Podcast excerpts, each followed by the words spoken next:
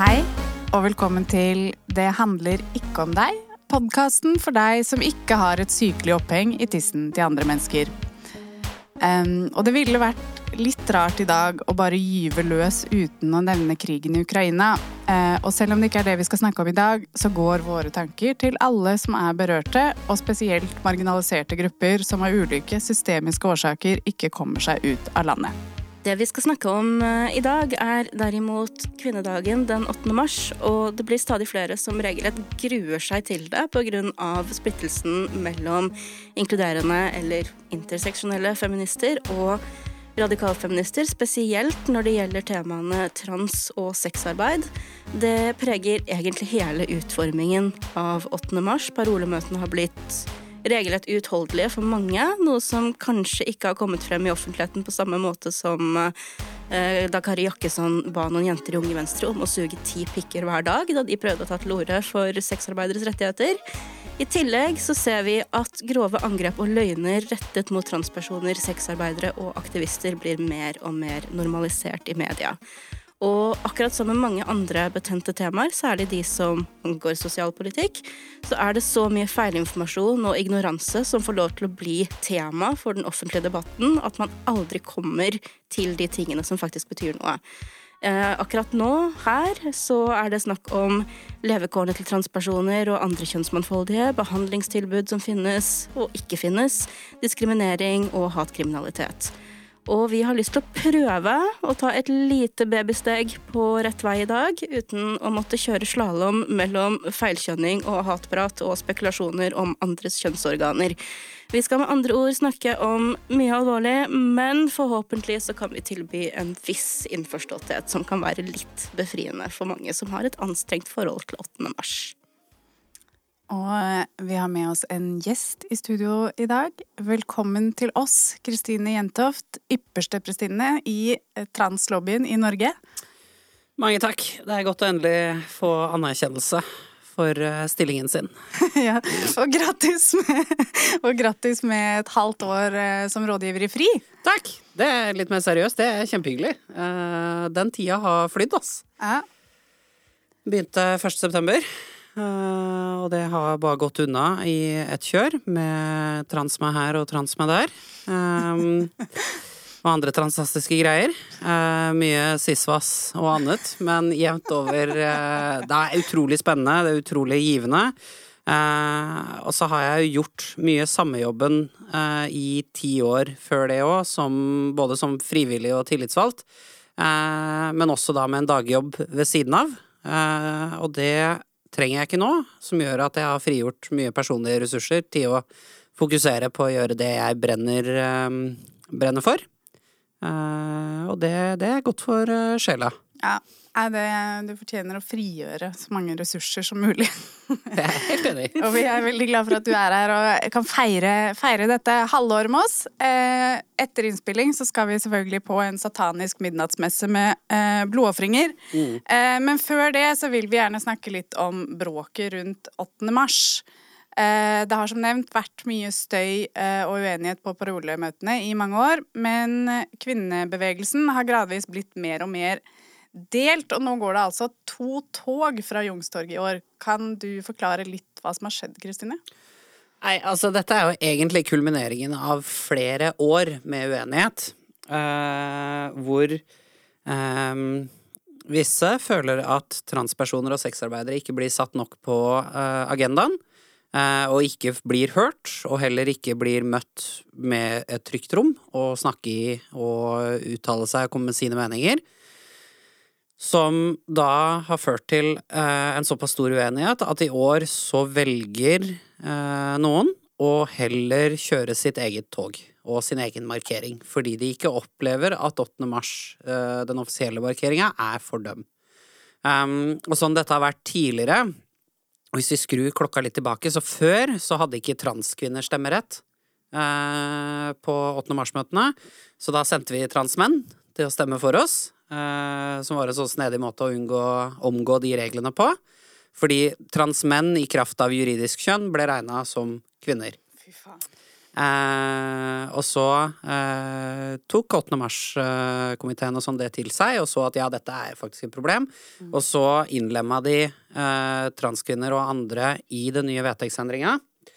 Um, litt av problemet var at ordlyden var at alle som ikke var menn, hadde stemmerett. Og det er det noen som opplever at annerledesgjør kvinner til å være ikke-menn. Eh, og eh, kvinner er mer enn ikke-menn, og det setter menn som defaulten. Og som da førte til at det ble en vedtektsendring nå på slutten av i fjor, som eh, endte opp eh, med å gjøre at cis-kvinner og transkvinner har stemmerett, men ikke ikke-binære, for eksempel. Til tross for at det er mange temaer på eh, som 8. mars tar opp, som er hyperrelevante for ikke-binære, sånn som når det kommer til reproduktive rettigheter, seksuelle rettigheter og slike ting. Eh, og der er det, tenker man at det perspektivet har falt litt ut, da. Mm. Det er så seriøst og nøytralt jeg klarte å levere den. da. Ja, det var veldig, veldig bra. Jeg er så stolt. Jeg er så stolt av deg.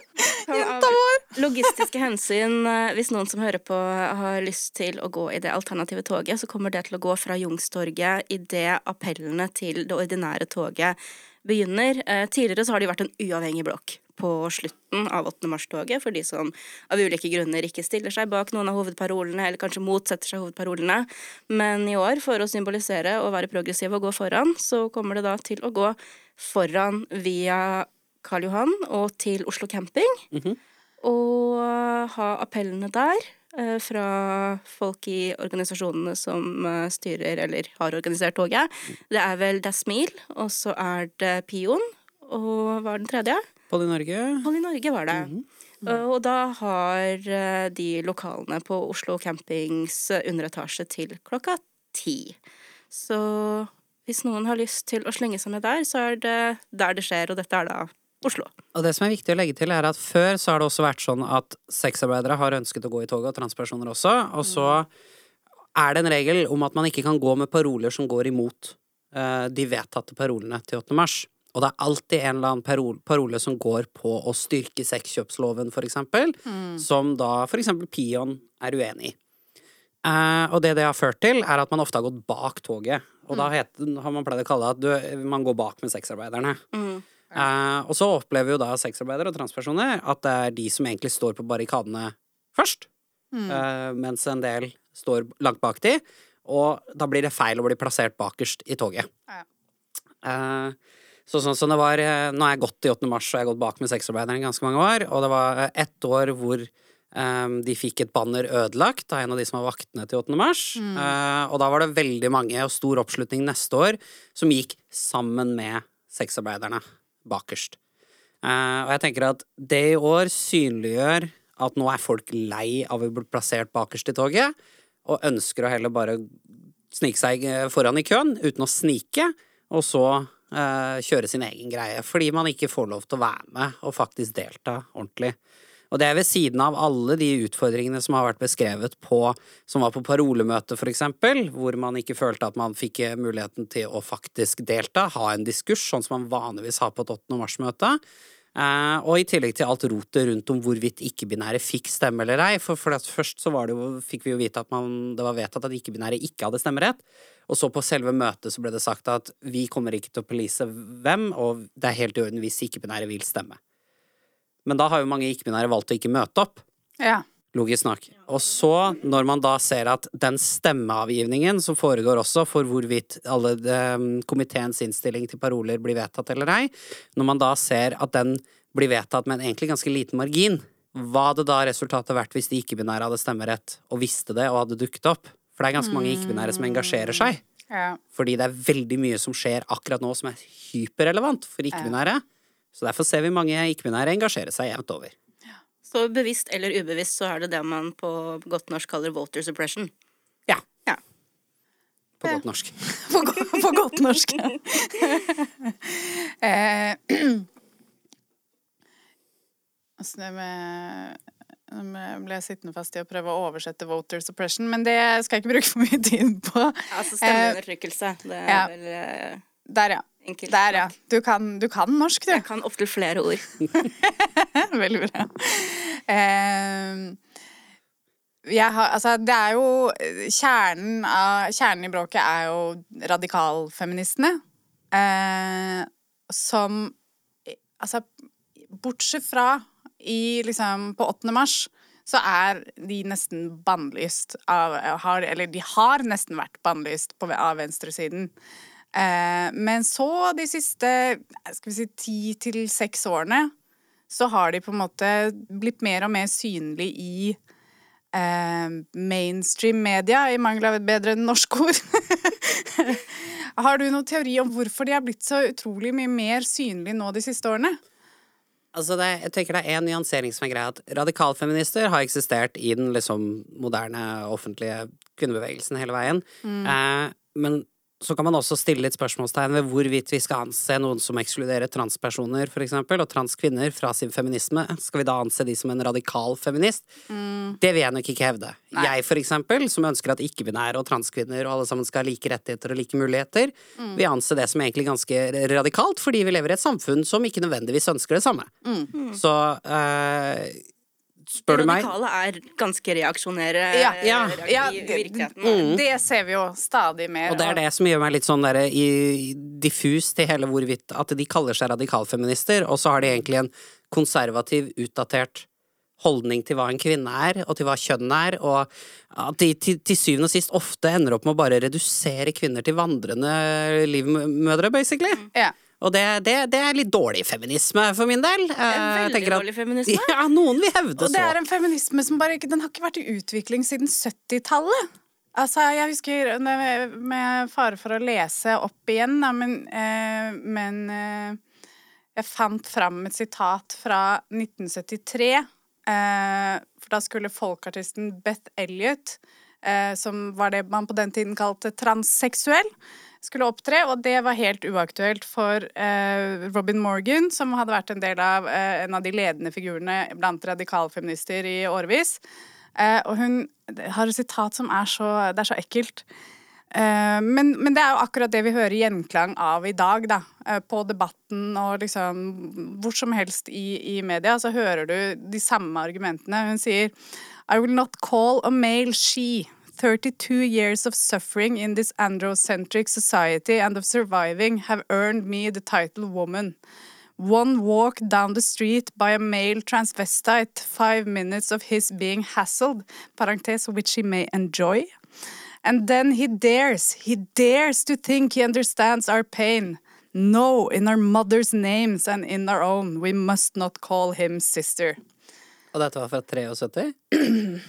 Eller 2022? Eller 2022 på Debatten. Ja. på Altså, det, er, det, er, det er det samme, da. Og, det, og, det, poenget mitt er jo da at de, det er jo de som står stille. Mm. Det er de som ikke De har ikke utviklet seg. De har ikke funnet noe nytt me- De har ikke fått noe nytt å melde siden 70-tallet. Nei, jeg vil faktisk hevde at det er enda verre enn det. De har faktisk gått tilbake. Fordi at Det er artig at du nevner for 6-10 år siden, som du sa nå nettopp. mm. Er For 6-10 år siden så brukte de rett pronomen om meg.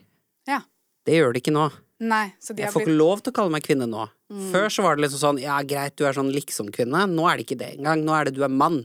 Du er far. Ja. Du kan aldri bli kvinne. Du har aldri vært kvinne. Du bare emulerer og fetisjerer hva det er å være kvinne. Eh, og det, det sier de som om det er, som om det er å puste, liksom. Eh, mens det gjorde de ikke for fem år siden. Fem-seks år siden. Da var det liksom sånn ja, men du må forstå at vi har forskjellige utfordringer. Mens nå anser jeg de strengt tatt som mer ærlige, for dette er det de har ment hele veien. De har bare moderert seg før. Og så har de ikke blitt sanksjonert når de har blitt gradvis verre og verre og verre. Sånn at nå har de kommet til et punkt hvor de kan helt fint stå på TV foran 320 000 seere og si du er en mann, jeg vil ikke ha opplæring i å forstå deg som en mor. Eh, og det, så da er vi tilbake til 73, da. Kjempegøy med sånn feminisme som bare står i ro i 50 år. Ja. Dritgøy. Ja, altså, jeg følte de ble så altså, Eller de, hun, Kristina Ellingsen, ble så avkledd i det hun sa det, at det var bare sånn Wow! Nå er du gjennomsiktig. så er det også viktig å huske på at det var ikke bare jeg som ble feilkjønnet på TV den kvelden. Selv om det, altså det vi refererer til nå, er at uh, vi hadde en debatt om trans på Debatten. Mm -hmm. uh, og om tredje juridisk kjønn, og om transpersoners og, og behandling. Uh, og der var det flere aktører, og så var det deriblant meg og, og Alexander Sørli, leder for pasientorganisasjonen for kjønnsinkongruens, som var der. og han var atskillig mye lenger enn meg på skjermen, og ble mm. kalt kvinnfolk gjentatte ganger. Uh, både direkte og indirekte, og fikk kroppen sin også omtalt i ganske negative ordlag. Men så kommer det helt, helt på slutten av det, så velger Ellingsen å være svært direkte med meg og si at det er mann. Mm. Uh, og det tror jeg er mye lettere for folk å oppfatte, fordi det var en direkte aggressiv handling som skjedde. Ja. Det er veldig tydelig at det står en feminin presenterende person, person på skjermen mm. som omtaler seg selv som mor og kvinne mm. og snakker om barnet sitt, mm. og så kommer det en annen person og sier 'du er en mann'. Eh, og det ser folk lettere. Ja. Heldigvis er vi kommet til et altså, sted at folk bet, ser det. Ja, jeg bet meg veldig merke i alle de gangene uh, Jenny Klinge kalte Alexander for kvinnfolk også, så, men, men, det ble veldig Det er riktig mm. at det ble veldig, veldig tydelig akkurat der. Men det, det er liksom det som gjør det, fordi at en politiker vil bruke finere ord. De vil mm. bruke en finere vending. Og så vil en person som selvtitulerer som feminist, mm. si sin direkte ærlige mening. Mm. Som er det de andre også mener. Bare i klartekst. Ja. Og det var det som skjedde på debatten. Hva skal vi kalle de, da? Konservativfeministene? Jeg, jeg, vil Altså, de omtaler seg selv som feminister, men, og jeg er vanligvis veldig pro at folk skal få lov til å kalle seg hva de vil, og anerkjennes som det. Eh, av en eller annen mystisk årsak som ikke er transrelatert. Um, men så er det også noe med at hvis du omtaler deg selv som feminist, så skal du faktisk stå for litt ting innafor at i hvert fall modikum av likestilling og like mm. rettigheter, og at uh, feminine skal være balansert med det maskuline. Og hvis du ikke gjør de tingene der, så er det litt vanskelig å anerkjenne at du er en feminist, altså. Ja. Og for Altså, av gammelt av, da, så er jo for eh, Eh, Radfems, da. Vi gir en sånn kort forkortelse, sånn at vi ikke kaller de verken radikale eller feminister. Men eh, for dem så handler jo ikke kjønn om identitet. for dem er kjønn et slags kastesystem. Eh, og sånn oppsummert så mener de at hvis du har vært mann, så vil du liksom Du vil alltid beholde ditt mannlige privilegium, selv om du velger å leve som kvinne. Mm. Føler du Hvor ofte føler du på det mannlige privilegiet? Heng an Kommer snart. Aldri. Eh, måtte bare sjekke. Eh, jeg hadde en god tirsdag forrige uke. Eh, nei, og det er liksom Fra spøk til revolver. Og det er liksom der de bommer veldig ofte, da, er at de ser på den tiden, for eksempel da jeg levde i skapet i 20 år, mm. så levde jeg og presenterte som mann og ble oppfatta som mann. Det ser de som på som at jeg ble sosialisert som mann, og at jeg nøt mannlige privilegier. Mm. Og så har jeg valgt å gi fra meg alle disse privilegiene og kaste de på dynga. Og så er det noe med at jeg var aldri mann. Jeg ble lest som det mm. og oppfatta som det. Ja, samfunnet ga meg visse privilegier som resultat. Mm. De nøt jeg ikke, fordi de var ikke gitt meg på grunn av hvem jeg er. Og så må man også se på det totale minoritetsstresset man har ved å være i skapet, for det er faktisk en ganske jævlig opplevelse. Eh, hvor du ikke kan være deg selv fullt og helt. Du står faktisk og skjuler, av forskjellige årsaker, 90% av hvem du er. Sånn, Vennene mine visste at jeg likte bil og TV-spill. Mm. Det vet de nå òg. Jeg liker fortsatt bil og TV-spill, bare at nå ser de hele meg. Resten av meg. Um, og, og, når de da liksom snakker om at vi har alle disse privilegiene, så er det sånn Når faen er jeg 90? Når faen har jeg fått noe som helst av det? Jeg har fått masse ting fordi samfunnet er en tulling og ikke forstår at jeg var i skapet, fordi forholdene var ikke tilrettelagt for at det var trygt for meg å komme ut. Og til slutt så pressa jeg meg ut, og så sier samfunnet ja, men da kan ikke du ha disse privilegiene. Sånn, jeg har aldri hatt de, faktisk. Aldri nytt av de, jeg. Fuck dere og hele privilegiesystemet deres. Mm. Likestill samfunnet nå. Ja, det nullsystemspillet som eh, Nei, nullsystemspillet Nullsumspillet. eh, som bare ikke finnes. Du kom jo ut av skapet, og så tok du hele pizzaen fra, fra oss cis-kvinner. Ja. Jeg hadde en pizza, jeg. Og ja. så kom du ut av skapet, og så tok du den. Ja. Uh, Jeg liker pizza, da. Jeg gjør det. Og det, det, det kan fort skje. Ja. Eh, det er veldig lett.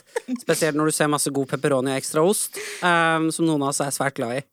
Og så er det liksom det er sånn, Du tar vekk hele pizzaen! Nei! Da har du ikke hørt men det, men det illustrerer så godt poenget her at da har du ikke lytta. Nei. For jeg sa nettopp rettigheter er ikke en pizza. Og så svares det med du tar vekk hele pizzaen. Så det er bare sånn Nei! Ja, men kan de lytte, da? Jeg vet ikke. Altså, det, er, jo- det, det er jo noe som altså, Jeg skal ikke diagnosere noen eh, herfra, men, men altså, det er jo noen alvorlige vrangforestillinger da, når du kan høre noe sånt og si noe sånt etterpå. Jeg, jeg tror det går mer på at jeg tror de kan. De bare ønsker ikke. Nei. Det er litt sånn som på samme måte som at um, ofte nå så er retorikken at nå skal du settes i fengsel for å feilkjønne. Så det er bare sånn nei. Og det er ikke noe galt i å kjønne noen feil. Det er når du gjør det med intensjon. Du er ikke en idiot fordi du kjønner noen feil. Du er en idiot det sekundet du begynner å feilkjønne noen med intensjon om å feilkjønne de. Det er da du er en kjip person. Alle fucker opp. Altså, Mora mi har kalt meg broren min sitt navn 90 ganger, liksom. Det betyr ikke at hun tror jeg er broren min. Det er bare at av og til så har hjernen vår litt kortslutning, Ja, og så fucker vi opp. ja, når brødrene mine er på besøk, så må jeg gjennom en sånn lang navneliste før jeg husker hva, hva barna mine heter. så, så, så, så sånt skjer. Ja, det skjer. Og hjernen er spennende. Og så er det liksom litt med den der at hvis du bare sier sorry og går videre, så aksepterer folk det sjokkerende ofte av en eller annen mystisk årsak. Mens hvis du derimot fortsetter å grave deg ned i samme høla, bare sånn ja, men du må jo forstå at jeg gjør jo ikke det med vilje, men det er vanskelig for meg, og øh, så er jeg bare sånn ok, hold kjeft. Ja, ja, for det er deg det er vanskeligst for. Ja, det er sånn, å ja, ok, så mitt liv er vanskelig for deg, beklager at jeg eksisterer, liksom. Skal stoppe. Og så har de en annen ting, de har blitt så veldig opptatt av eh, gameter, altså kjønnsceller nå. Mm. for du snakka litt om det om å, å tilegne transpersoner og transaktivister meninger de aldri har, sånn som at å, du skal havne i fengsel hvis du feilkjønner noen. Uh, og det samme er det noen som noensinne har fornektet eksistensen av de binære kjønnscellene. Det tror jeg aldri har skjedd. Men før så var de veldig opptatt av kromosomer. ikke sant? At du har, å, du har XX og du har XY. Og nå er det litt mer allment kjent at det er ikke så enkelt. Nei. Det finnes mange flere kombinasjoner. Og da har de plutselig hoppa til gameter. Da er det det som er det viktigste. Og la oss si, hvis, hvis vi kjønn kun besto av kjønnsceller, det ikke fantes noen annen komponent til kjønn i det hele tatt, da ville vi f.eks. ikke trengt kjønnsdelte garderober i det hele tatt. For da ville det jo ikke eksistert sosiale faktorer som hadde noe å si. For vi skulle nesten tro at eh, det, det faktisk var mye mer til kjønn enn gametene dine. Det er veldig snodig, det der. Hardt, Eh, altså. Det er ikke som at no offense streite cis-folk, altså de som ikke er trans, har bygget opp et helt system rundt i at de opplever det er forskjell i alt som har med øh, kjønn å gjøre. Og det er ikke bare ut ifra hvilke kjønnsceller du produserer, for du går ikke rundt og sæder og egger rundt på alt i samfunnet. Snakk for deg selv. Noen vil kanskje ønske å gjøre dette. Jeg går og legger egg hele tiden, jeg. Eh, og det er ikke som at bukser og kjoler er laget av sperma og egg heller. Det, det kunne vært veldig spennende å se. Eh, og det er heller ikke sånn, i motsetning til hva evolusjonsbiologen på Debatten også trodde, så han, mente han at han hadde fått høre at det fantes en tredje kjønnscelle. Og nei, det gjør det ikke. Mennesker som kan reprodusere, produserer enten store eller små kjønnsceller. Og det er ingen i en oppegående bevegelse, enten den er skeiv, trans eller noe annet, som har hevda noe annet. For det ville vært veldig snodig. Pluss at det er ikke der kampen står for vår del. Vi får jo faen ikke behandling engang. Halvparten av oss mangler et juridisk kjønn. Det er, så, det er litt viktigere for oss enn å drive og fantasere om en tredje mellomstor kjønnscelle som bare kunne passa med både sperm og egg, liksom. Det er bare, Jeg vet da faen hva de tror, jeg. Nei, men det er jo også veldig funny, som kom fram, eh, som jo kom fram etterpå, eh, etter debatten, da, at denne evolusjonsbiologen Glenn Peter Sætre, han, eh, han har jo primært forsket på fugler. Ja. Så det er jo utrolig interessant at han liksom har blitt dratt inn For det ser jo ut som at han har på en måte blitt hanka inn for noen år siden i denne debatten da, som evolusjonsbiolog, og så er det aldri, no, aldri noen som på en måte tar seg bryet med å informere om at han har primært forska på fugler og ikke mennesker. Det er ikke så interessant å høre om. Det er ikke så farlig, vet du. Fugl, menneske, fisk. Nei. Det er samme. liksom, han har dialog, eh, nei, dialog. Han har, de ser at han har eh, biolog i tittelen sin, og da må det være greit. Liksom. Jeg har en bror som er krigshistoriker, så da er det klart da, de må dra inn han for å snakke om eh, Egypt. Altså, for da, historiker, da, da vet du alt om historien. Jeg har et årsstudium med religionshistorie, så jeg tenker at jeg burde ha noen hot takes på en del debatter rundt omkring. Rett og slett. Ja. Ja. Jeg syns, jeg jeg blir cancelled hver gang jeg ikke får være med i en debatt Ja, ja. som har med religion eller historie å gjøre, faktisk. Altså, jeg kan litt om veldig mye, og syns egentlig at jeg Jeg har tilgang til Google! Jeg syns ikke telefonen min ringer så ofte. Man kan jo si det sånn altså, angående en kanselleringskultur. Hver gang det er en debatt om trans, og det ikke er en transperson der, da er det kanselleringskultur. Ja. For da snakkes det om og ikke med. Ja. Det er den eneste formen for den typen kanselleringskultur jeg er villig til å anerkjenne. ja. Refuseringskultur. Ja, Nei, men ikke gidde å sette seg inn i kultur. Ja. ja. For det er sånn, Hvorfor skal du ha en samtale om trans, og så skal det ikke være en eneste transperson i rommet? liksom? Da, da bør du ikke ha den samtalen. Det er litt sånn som når vi snakker om reproduktive rettigheter, og så er det bare menn ja. med små kjønnsceller, små Ja. gameter, eh, i rommet. Så har de, er, det, er det menn som har de små gametene? Ja, sist jeg sjekka. Å, Jeg de har gjort små ekstensiv gametene! eh, undersøkelse. Å, du og de små gametene dine. Hæ? Kommer du her? Vi har lært på TikTok en veldig fin hersketeknikk eh, overfor menn. Det er at eh, du må omtale ting de bryr seg om. Som 'å, den lille, å, det lille musikkprosjektet ditt'. 'Å, de små skoene'. 'Å, hvor har du parkert den lille bilen din'? Og nå, det passer, altså. Det gir jo mening. Å, Men i dette De de tilfellet er det jo faktisk faktisk de små gametene. Sitter du der med de små kjønnscellene dine?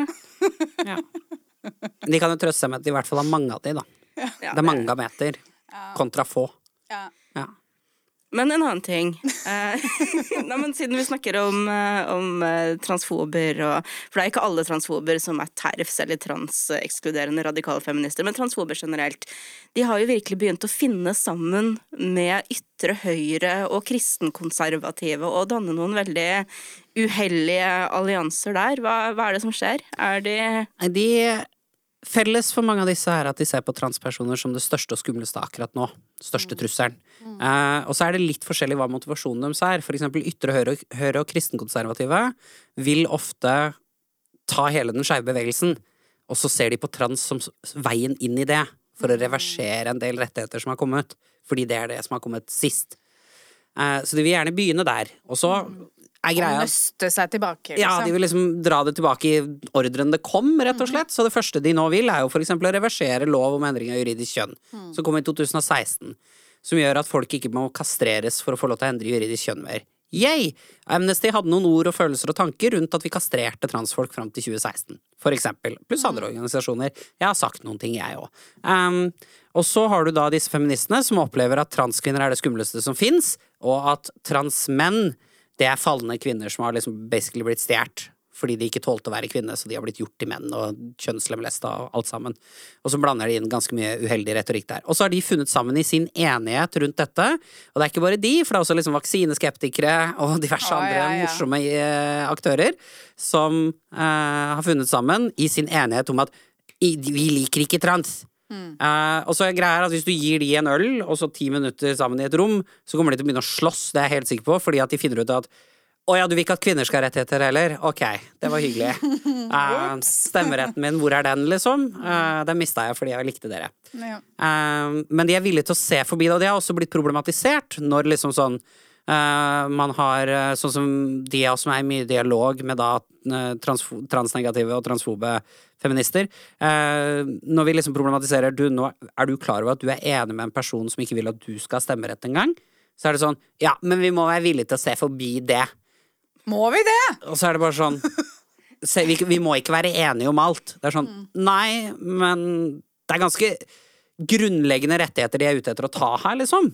Og så har du da ytre høyrefløyen i det hele, som ofte bunner ned i at de til syvende og sist er nazier, liksom.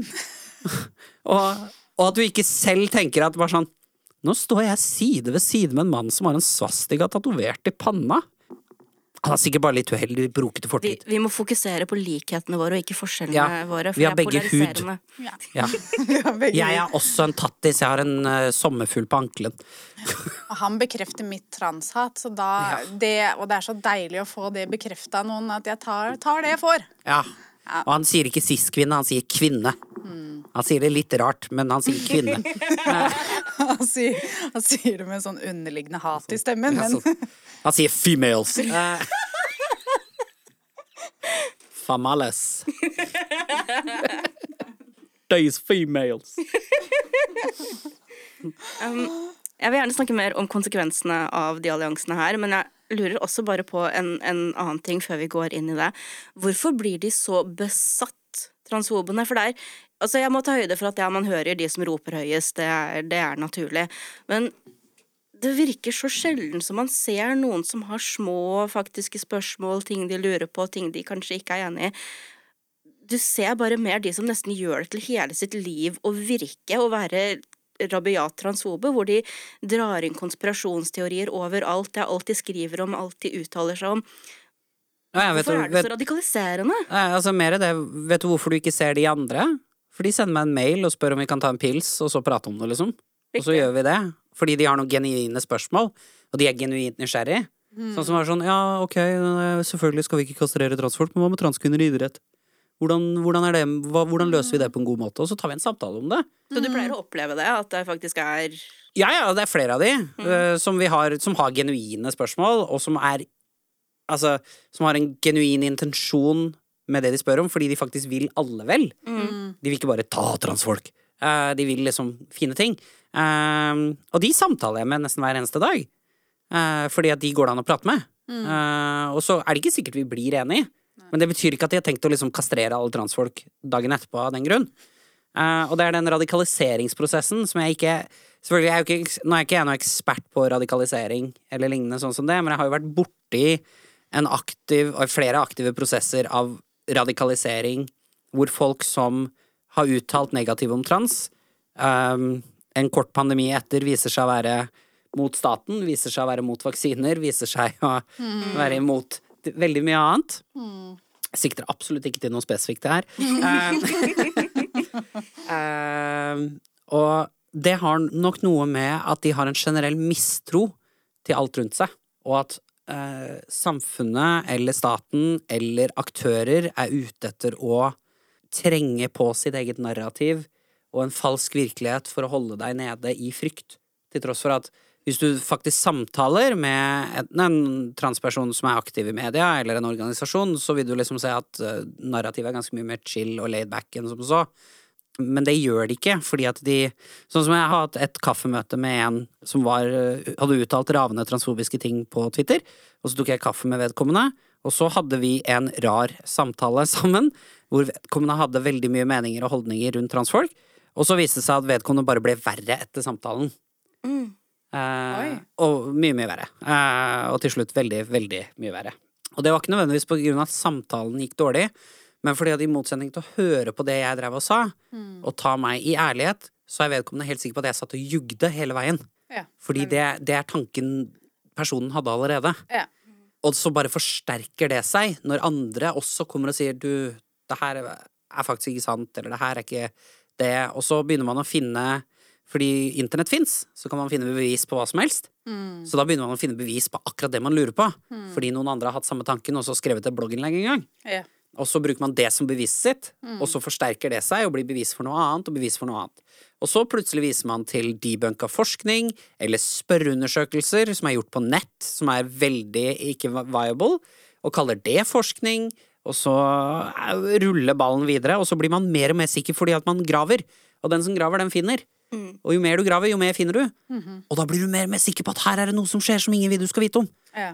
Og da er det noe, noe lumsk, noe slemt. Og den skeive bevegelsen har infiltrert hele staten og kontrollerer politikerne og skal innføre sitt skeive religiøse dogmer på blæ, blæ, blæ, blæ, blæ. Jeg minner om seremoni i morgen, alle er klar over det. Sant? Ja, men Det har vi snakka litt om tidligere òg. De for nå har vi snakka om Kristina Ellingsen litt tidligere. Fra tidligere VHRC, Women's Human Rights Campaign, som nå er det VDI. Women's, WDI, ja. ja Women's Declaration International. Ja, for, for, de har jo hatt da talere Veldig tydelig. Som, veldig tydelig, som, som har da talere som snakker om hvordan eh, transideologien i gåseøyne bare er et skritt for å fremmedgjøre mennesker fra kroppene sine, slik at eh, eh herskerne kan innføre transhumanisme mm. og nærmest putte oss alle i kolber.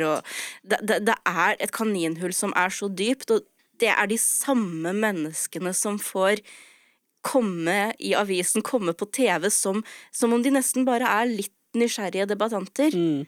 Eh, og så svarer folk med rettmessig harme, og da blir det bedt om å bruke innestemme, fordi vet du hva, det her er helt uh, Dette er veldig upassende. Mm. Og du har jo personlig opplevd veldig mye personretta hets og regelrette kampanjer fra helt spesifikke personer.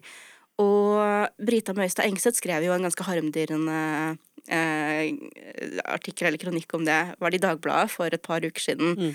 Og da så jeg at det var veldig mange som ikke vet hvem disse menneskene er, som Å, dette ser jeg på som et litt uprovosert personangrep. Mm. Men de er jo ikke klar over hvem disse personene er. Det virker som det ikke finnes noen redaksjonelle Altså, hva bør folk vite? Hvordan skal man Vel, man kan jo begynne med å prate med gruppen sjøl, da. Det er en fordel. Mm. For det er det en del journalister som sliter litt med. Mm. De er mer villige til å høre på noen som sier noe med bulder og brak om en annen gruppe, mm. enn det er til å høre med gruppen sjøl. Og det er faktisk veldig, veldig enkelt å ta én telefon til en transperson du så på TV én gang, og spørre hei, du, nå har jeg en dame her som driver og sier at dere er en nekrofilisk kult. Hva tenker du om det? Stemmer det? Uh, hvor kan jeg finne mer info? Og så får du litt latter til svar, og et sånt derre du kjører ikke den saken her, eller? Er du, er du ok? Trenger du noe? Kan, kan, vi hjelpe deg med noe annet? Eh, men, men, det er litt det at de er så Folk kommer inn med egne holdninger og fordommer og sånne ting også, og det gjør at man lettere er villig til å ta inn det. I tillegg så er det et element av klikk og penger og mm. generering av videre uh, trafikk ja. som i spillet om hva som er verdt mest, ofte veier tyngre enn skal vi passe på en minoritetsgruppe som har det helt jævlig. Mm. Uh, og der er de mer villige til å snarere ofre liksom, en minoritetsgruppe, for den er ikke så stor, også, ikke, ikke tenk på den, men penger. Penger er ganske digg. Mm. Ja. Kliks, likes, shares, sexy saker. Skal vi bruke en betalt uh, journalist uh, sin tid uh, til å faktisk finne ut av dette, eller skal vi bare trykke den kronikken? Ja, og det er veldig, veldig klassisk, og da kan man gjemme seg bak at dette er skribentens mening, mm. ikke nødvendigvis avisens. Vi tar en nøytral standpunkt på dette, og så kan man til og med ha det litt sexy elementet at debattredaktøren kan krangle litt med kronikøren, mm -hmm. sånn at kronikøren igjen får tilsvarsrett, og får skrive enda mer ræl. Uh, og det er liksom det, Litt agroen der er at hvis du name-dropper noen i avisen, så får de automatisk tilsvarsrett og kan si hva de vil. Og veldig ofte så velger ikke den som svarer, å faktisk si noe relevant eller svare på de tingene som blir sagt av opprinnelige poster. Velger heller bare å ralle liksom ut at transkvinner er pedofile og vinner i damegarderobe og ting.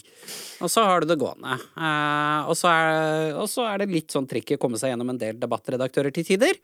Fordi at uh, de, du svarer ikke på det de vil egentlig høre.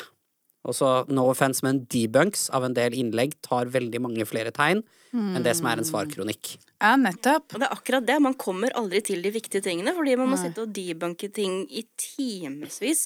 Du har jo skrevet tråder på Twitter med sånn 140 punkter bare for å komme gjennom én tekst. Mm. Ja, ja. Og det, det, er helt vanvittig. Og, men en annen ting som skal sies, eh, som også har noe med de alliansene å gjøre, det er at det er jo egentlig ikke så mange, men de er veldig glad i å danne små organisasjoner eh, med forskjellige konstellasjoner seg imellom. Mm. Og da dras det jo kanskje inn noen av de fra det kristenkonservative miljøet, hvor de liksom allierer seg i sånn organisasjonsøyemed, hvor organisasjonene er små, men det får det til å høres ut som at det er hundrevis og tusenvis av bekymrede borgere. Mm. Um, veldig godt eksempel på det er den ene nye organisasjonen heter bare Lesbiske feminister. Mm. Det gjør at vedkommende som driver denne organisasjonen, som er én, kan gå på scenen og si 'lesbiske feminister mener at' Ja. Hva høres det ut som? Jo, man taler på vegne av alle lesbiske feminister i Norge, og det er ganske mange flere enn én. Eh, og i tillegg så er det en minoritetsgruppe, flere er lesbiske, så oi. Lesbiske feminister mener det, ja. Det er inntrykket du sitter igjen med. Så strengt at jeg trenger bare å opprette en organisasjon som heter Hvite mennesker, og så bare gå på scenen og si 'Hvite mennesker mener at transkvinner fortjener alle rettigheter i hele verden'. Så er det bare sånn Oi, mener hvite det? Oh, oh, oh. Oi, nå blir det livatt her! Det blir spennende. Homo sapiens sapiens mener at Det er et veldig, veldig effektivt grep med sånn informasjonskrigsmessig, men, Ja, men folk bør være litt klar over det, kanskje. Ja, og så er det også noe med at hver gang hvis du ser en sånn organisasjon poppe opp, ta google den. Det er veldig lett. Ja. Det, er, vi- det er et verktøy vi alle har tilgjengelig i hånda hver dag Ja. til døgnet rundt. Og ellers så får du gå på biblioteket og låne der. Ja. Altså, da hører du mest sannsynlig ikke det vi sier nå. Eh, så retrospekt. Eh, men, men, men helt seriøst, ta og google det. Ta og se om de har en Først og fremst se om de har en, serie, om de har en nettside, for det er det ikke alle de som har. Noen av de har bare Facebook-sider. Noen av de er ikke engang Brønnøysundsregistrert. De er bare Vi er et nettverk. Og så er det en Facebook-gruppe, og så med 15 personer i, og så er det et nettverk. Mm. Uh, Og det de er samme sånn 15 personene som er i alle de andre nettverkene. Ja, og så Det som er gøy, er at de roterer i hvem som sitter i styrene til hverandre, og det er egentlig litt søtt, sånn i retrospekt. For det er sånn Kan du sitte som nestleder i styret mitt? Ja, men bare hvis du sitter som nestleder i styret mitt. Men hva med meg, da? Jeg vil også være med. Ja, men du kan sitte i styret mitt.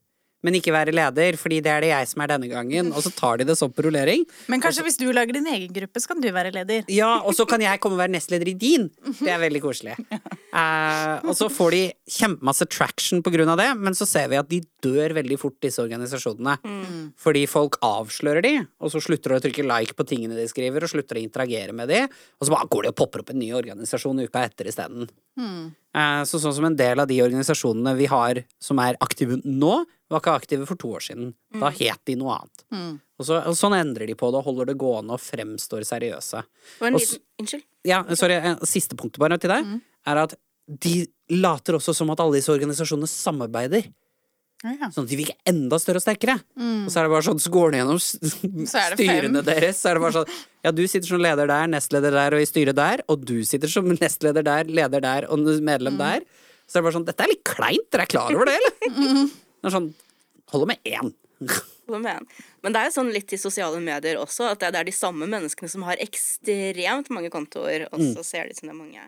Men det er heller ikke til å stikke under en stol at det fører jo til ekte juridiske følger noen ganger, for de lobbyer jo for lovverk som skjer, og da må vi nesten en liten tur til Texas. Ja. Og det som skjer akkurat nå, hvor guvernør Greg Abbott ønsker å få kjønnskorrigerende og kjønnsbekreftende behandling eh, av barn kategorisert som barnemishandling, hvor foreldre av barn med kjønnsinkongruens skal etterforskes for barnemishandling. Ja, han har instruert eh, barnevernet i Texas til å starte etterforskning, og det er i gang.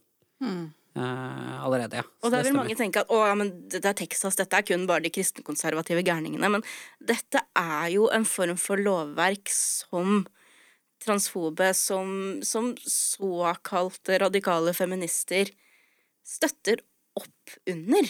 Ja, det er en direkte konsekvens av de tingene de lirer av seg til Ja, ja, ja. enhver tid. Eh, Men i tillegg til alle som tror at Norge er så jævla mye bedre, så anbefaler jeg å ta en tur ut i, uh, på regjeringen sine sider, og så ser du på uh, høringssvarene på uh, lov om konverteringsterapi, som, som var for, i fjor, før Abid Raja gikk av. Og så gå og les de svarene der. For da er det veldig mange som sier at nei, vi skal ikke drive med konverteringsterapi av homofile, men transkidsa, de kan vi plukke litt i, eller? Ja. De kan vi i hvert fall ta. Oh, shit. Ja. Og det står ord for ord omtrent i så mange av høringssvarene der. I, I tillegg til at det er veldig mange som også mener at vi må få lov til å drive konverteringsterapi av homofile cis-kids også. Og så er det, så det er kjempemange som argumenterer liksom for at nei, nei, nei, men vi skal ikke drive med konverteringsterapi av homofile, men vi skal ikke gjøre homofile trans.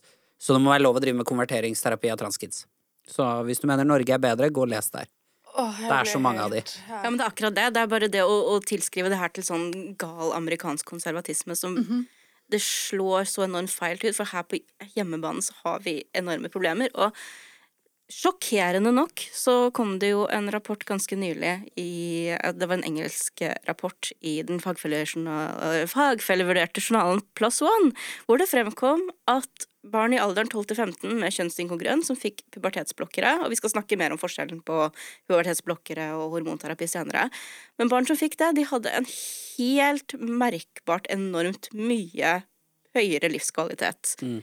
enn de som ikke gjør det. Så lovgivning, da, sånn som den vi ser, den vil føre til enorme psykiske konsekvenser for barna det gjelder. Eh, det kan splitte familier, det kan brukes i sånne eksplosive samværsrettssaker. Eh, helsepersonell som gir hjelp til barn med kjønnsinkongruens, kan få store juridiske følger. I tillegg til at de er bedt om å snitche. I tillegg til mm. det. Og det er ikke noe som bare kan skje i USA. Vi ser ganske stygge tendenser her til lands også. Mm. Og, ser, og, det er også en sånn nyansering jeg gjerne vil gjøre. Det er ikke bare tilfeldige folk på internett, eller tilfeldige som oppretter organisasjoner og kaller seg feminister, som gjør det her. Det er også politikere i visse partier, i visse lokallag, som sitter og oppriktig ønsker dette, mm. og som har falt helt for sånn ekstremt mange um, konspirasjonsteorier rundt den skeive bevegelsen, for eksempel og som oppriktig mener at hvis du anerkjenner at kiden din er trans, og ser at kiden din har det vanskelig, så driver du med mishandling. Og da, da er vi ikke engang kommet til liksom det medisinske aspektet. Da snakker vi om mm. sosial transisjon, som liksom handler om å bare la kiden din hete Laila og gå med kjole, liksom. Det er ikke så mm. mange kids som heter Laila nå til dags, men altså Misforstå meg rett her. Um, og bare det å anerkjenne kiden din, at kiden din kommer til deg, og kiden din er typ 10-11 da, og sier 'mamma, jeg vil være jente', jeg vil gjerne være jente, liksom, med sine ord. Mm. Og så sier du ok, la oss se på det, la oss se hvordan det går, la oss Vi anerkjenner deg, vi ser deg, liksom. Da ifølge Texas, og ifølge de som ønsker det samme i Norge, det er barnemishandling. At du sier det, og ikke sier det de heller vil at du skal si, er å si at nei, det er du ikke. Hold kjeft og hent fotballen din. Ja. Mm. Hvor, er, hvor, er, pistolen? Kan vi gå og leke litt med den? Mm. Ja, men nå vet vi jo da eh, litt mer konkret forskningsbasert om transpersoners levekår i Norge. Bufdir kom med en rapport i fjor ja. hvor det fremkom blant annet at én en av fire transpersoner sier de har blitt utsatt for trusler om vold og overgrep. Og om lag én av tre har opplevd seksuelle overgrep. I løpet av de siste par åra. I løpet av de siste par åra. Hva finnes egentlig av eh, behandling og hjelp for transpersoner, personer med kjønnsinkongruens, spørsmål om kjønn i dag? Altså, nå spør du etter faktisk kjønnsbekreftende behandling? Ja, egentlig hva som helst. Hvis, hvis du er For det fins mye dårlig behandling. Ja, hvis, ja. Hvis, hvis, du er en ung person som har spørsmål eh, som eh, Altså enten du er sikker på om du er trans, om du har spørsmål om du er det. Hvilke legitime hjelpetilbud finnes? Hvilke muligheter har du?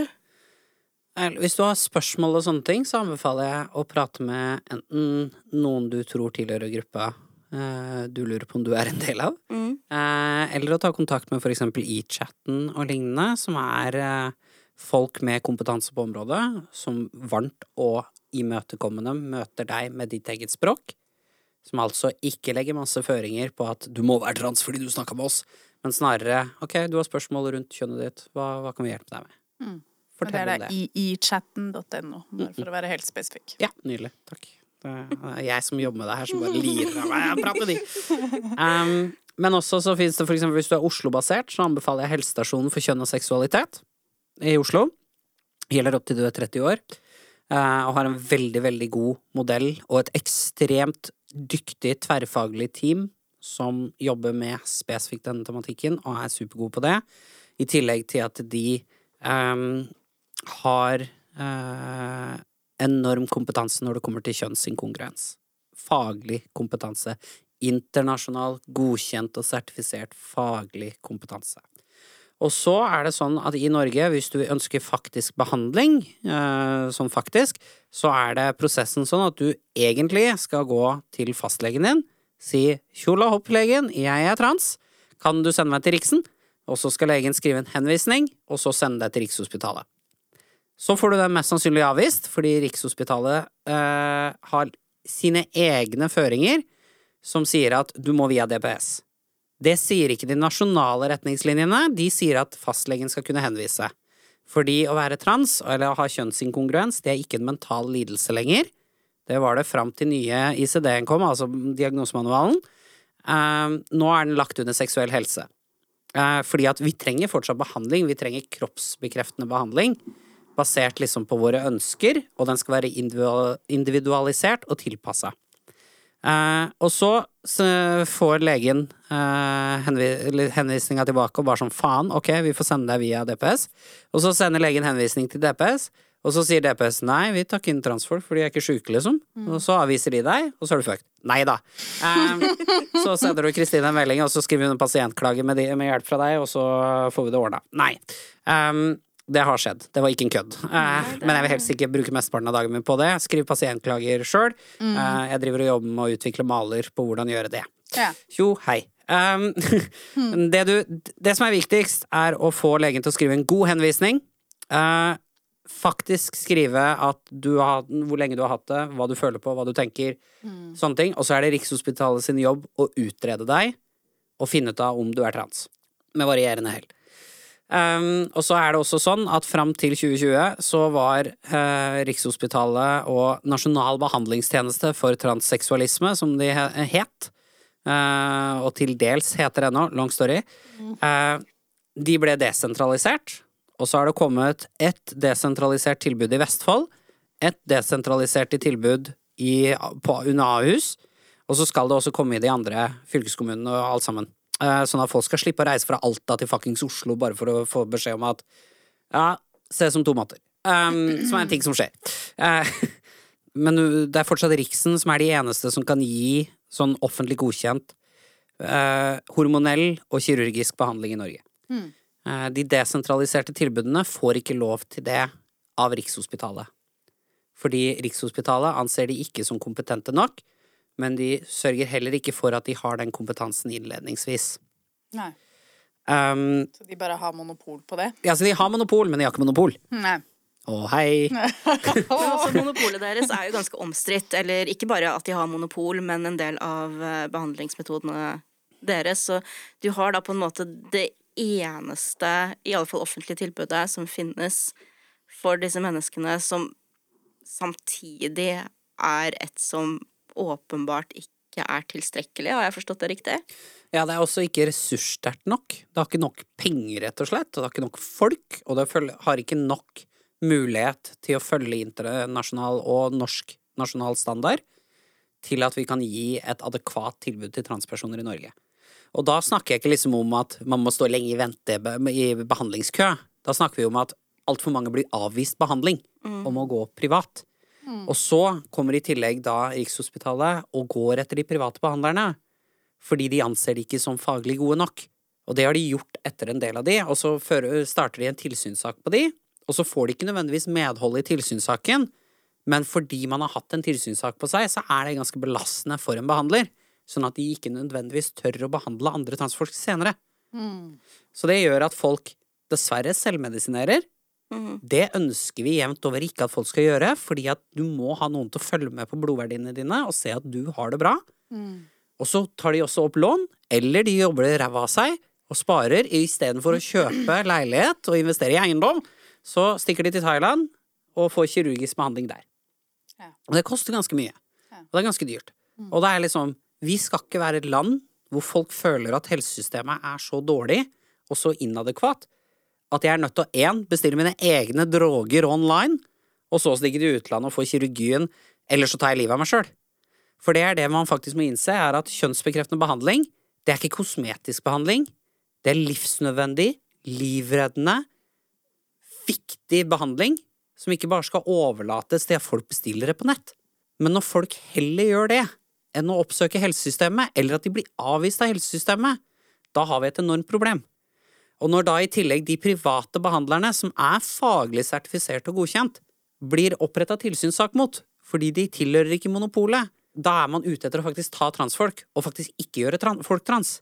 Og når man da er heller villig til å nekte 100 transfolk behandling enn å feilbehandle én cis-person, da har vi et transfobisk system. Mm -hmm. Og det er litt poenget der. Men apropos eh, nevnte monopol. Eh, sykepleien, altså det nettstedet for eh, sykepleiere, de har jo hatt en del nylig om nettopp Rikshospitalet, og at de har brukt en del uetiske metoder i deres behandling, eller behandling i gåseøyne av eh, personer med kjønnsinkongruens. Hva kan du fortelle om det? Det som er greia der, er at dette er noe mange av oss har sagt lenge, er at Rikshospitalet har drevet det som viser seg å være forskningsprosjekt inn i seksualiteten til transpersoner. Eh, og så har sykepleien gjort et lite stykke gravende journalistikk inn i hva som faktisk er greia her. Fordi viser, det viser seg at Rikshospitalet har et, et sett med skjemaer som pasientene fyller ut. Eh, Det skjemaet spør om ting sånn som hva tenker du på når du onanerer, når debuterte du seksuelt, blir du kåt av tanken på deg selv i manneklær eller kvinneklær, sånne ting. Og så har skjemaene endra litt på seg over åra også, de var verre, enda verre før. Oh, wow. Long story. Eh, og så viser det seg at det var et forskningsprosjekt som ble avsluttet i 2017. Og så vet vi at folk ble spurt om det i sommer, i 2021. Så ekstremt invaderende personlige Og det er, stopper ikke der. Men det er jo sånn hint om at du egentlig er autogenefil, da. Ja. fy Eh, og at Riksen gjerne vil bare finne litt ut av hva, hva, hva Liksom, hva gjør deg trans, liksom? Er det fordi at uh, silke gjør deg kåt, liksom? Er det derfor du er trans? Det er sånn veldig utdatert autogenefili, Ja. debunk, long story. Um, men i tillegg til det, så viser det seg For dette var et forskningsprosjekt. I tillegg til det så viser det seg at folk vet ikke at de har samtykket til å delta i forskning. Og et samtykke i et forskningsprosjekt, det er noe du skal huske omtrent dagen du dauer at du har samtykka til. For det skal være veldig eksplisitt og tydelig og klart. Så i tillegg til det så viser det seg at det er ikke bare forskning. De har brukt disse skjemaene til utredning i tillegg, for å finne ut av om, om du er trans nok til å få behandling. Um, og det er ganske vilt. Og det innrømmer selv Rikshospitalet i en svarkronikk på sykepleien.no. Er at ja, men du må regne med at vi bruker de svarene her til utredning også. Og, og så er det sånn Er ikke dette til forskning? Da har ikke du lov til å Og så viser det seg at det er de samme folka som har gjennomført utredningen, som har gjennomført forskningen på de samme pasientene. Og det er også litt iffy. Oi. Å hei, så her skjer det ting. Men også får det her noen konsekvenser? Finnes det noen utredninger? Blir det ettergått? Hva er status på det her? Vet du noe om det? har jeg ingen peiling på. Jeg vet at her rulles det opp uh, La oss kalle det skandale etter skandale. øh, Og uetisk forskning etter uetisk forskning. Uh, og så må vi bare se hvordan det går, og om det har noen konsekvens. Det dessverre mange av oss frykter, er jo at dette vil ikke føre noe sted. Nei. Fordi vi er vant til Altså, det, VG gjorde et ekstremt godt stykke gravende journalistikk inn i Rikshospitalet i 2013. Saken heter Ingentransland, og du kan bare putte inn Ingentransland i Google, så får du opp den saken først. Den er helt vilt bra laga. Den går ordentlig i dybden på hva pasienten opplever, hvordan de føler seg, og hvor mange som blir avvist, og om at de ljuger seg til behandling fordi de vet at behandlerne kanskje synes de ikke er trans nok. Og det baserer seg på et 1950-talls syn på kjønn. Vi vet at pasienter har blitt bedt om å reise seg opp og gå fram og tilbake foran behandlere Ja, ja, ja. for å finne ut av om de går feminint nok. Det er helt vilt å tenke på. Ja. Som om ganglaget ditt Alle vet at Vet du hva, Malin, kan ikke du bare reise deg opp og se om du går som en mann eller som en kvinne? Og så har jeg tenkt å frata hele ditt juridiske kjønn og alt av helserettigheter basert på hvordan du går nå.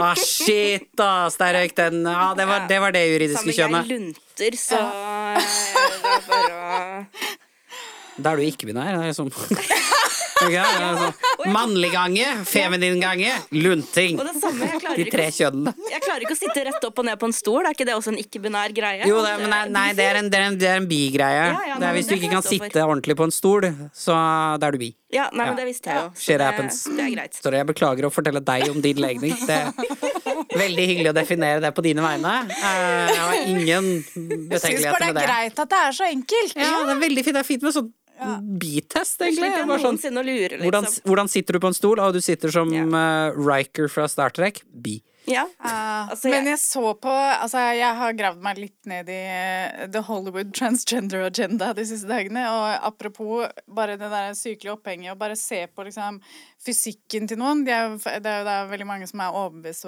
overbevist om at Michelle Obama, eller Man-Shell Obama, som de kaller henne, er mann. Og da bruker de Ja, da hennes møtene. brede skuldre. Ja, hun kom på møtene. Ja, ja. Og, og, og, det, og så var det et bilde hvor det er sånn Hun har en kjole som er litt krølla eh, i liksom eh, Rundt mellomgulvet, som det heter på fint. Eh, og det var da bevis Se her, se her sju Å ja, nei. Ja, det er Skrittregionen? Skrittregionen. Pubis, pubisområdet. Området rundt pubisbeinet. Danger zone. Skravet. og den krølla seg litt, og du kunne se Og så var det sånn hvis, med, hvis du legger veldig mye godvilje til, da, så kunne det se ut som du så en penis under kjolen, og da, det, det, det var bevis. Ja, det er litt som å tro at hver gang jeg har en mygg på meg når jeg er på scenen, så er jeg blir jeg egentlig kontrollert og er en robot. Ja. Det er samme logikken de Ja. føler der. Men men det, det skal også sies, akkurat det med rundt Michelle Obama er ofte ekstremt dypt rasistisk. Yeah. Det baserer seg yeah. Ja, det snakka vi det- om eh. Hun performer ikke white femininity, og derfor, til enhver tid og enhvert millisekund av livet sitt, hvis hun gjør noe som ikke ser ut som en dainty liten 17 år gammel hvit jente Mann. Maskulinisering av svarte kvinner, og også og sånn grov seksualisering. Det, altså, det er en helt egen episode. Men dette så vi også med det kinesiske løpslaget. I, i, under, hva faen, OL eller VM eller hva faen det var. Når, Og jeg lukka ørene for eh, OL, men hva skjedde? Nei, ikke denne. Ikke Åh, denne nei, forrige en gang. Forrige- forrige Eh, gang. Sla, slapp fullstendig av. En mindre problematisk OL. Uh, masse problematisk, mindre problematisk. Uh, nei, det var uh, det kinesiske løpelaget der de eh, hadde ikke feminint presenterende hvite kvinner som deltok, av en eller annen mystisk årsak som kan ha noe med eh, hvor man er fra å gjøre. Og så eh, var det Turfs ute på Twitter som bare sånn Tre av disse er menn. Ja. Og så viste det seg at alle var cis-kvinner. Ja. Eh, de bare så ikke ut som hvite kvinner fra USA. Eh, og det, da var det sånn Fy faen, dere er rasister, liksom! De er rasister og sånn enorme sexister samtidig. Ok, du tilsvarer ikke de eh, standardene, de, spesielt de der sånn hvite, små, superfeminine standardene for kvinner. Så vi som feminister Og du har ikke passe store pupper, var også en greie. Du hadde litt rektangulære skuldre, og en av de hadde kort hår. Eller var det to av de? Det er en skandale. Tenk at du kan ha kort hår, liksom. Å ja. Fy faen. Kort hår. Det er nesten ikke lov å ha kort hår og hevde at du er kvinne samtidig. Å, gud! Nei. Og det, det, det blir så tåpelig. Og det skjer så mye av det. Sånn som Michelle Obama får tonnevis av det, men hun er ikke den eneste heller. Nei, Hvis nei, du ikke er en hyperfeminin kvinne i Hollywood, mann. Må være Ja, mann. ja. ja, for jeg husker første gangen jeg kom over sånn transkonspi, da. Eh, det var jeg fulgte en sånn yogadame som hadde studio i Oslo. Eh, og eh, hun var Det var liksom et av få studioer som, den, som hadde den formen for yoga som jeg liker. Eh, så jeg tenkte jeg fulgte henne for å sjekke ut det, og så plutselig så bare bikka den kontoen. Og bare begynte å poste sånn masse sånn Det var Jackie Kennedy, Marilyn Manroe og bare sånn sykelig Sykelig oppheng. Altså, jeg måtte kommentere, for jeg var bare sånn ikke, jeg husker jeg skrev sånn Er ikke dette en yoga Et yogastudio? Hva, er det, hva skjer her, liksom? Så fikk jeg selvfølgelig aldri noe svar. Eh, og så viser det seg jo da Hun har en historikk som Hun er fullstendig bananas. Så det kan, det kan, kanskje, det, kanskje vi kan gjøre en egen episode senere en gang. Men, eh, men jeg sjekket opp nå også for å se om hun fortsatt fin, finnes. For hun finnes ikke på Instagram lenger. Og det ser ikke ut som at det studioet har noen timer lenger heller. Men hun har en Google-konto hvor hun poster, og der er det jo da selvfølgelig sklidd over i antivax og alt som eh, hører med. Og et sykelig oppheng i Zendaya. Zendaya er ifølge henne da helt klart ikke en kvinne. Så det, det, er bare, det er bare Og det er bare fordi hun er en tynn, smal Det er så Dame, Liksom. herregud, har du ikke fulgt med på Euphoria-serien? Det er jo Hunter Shafer som er trans, alle vet jo det. Det står jo på TV. Det er veldig, veldig, veldig Det står i hvorfor skulle- programbeskrivelsen, for faen! Ja, hvorfor skulle Zendaya late som? Herregud. Ok.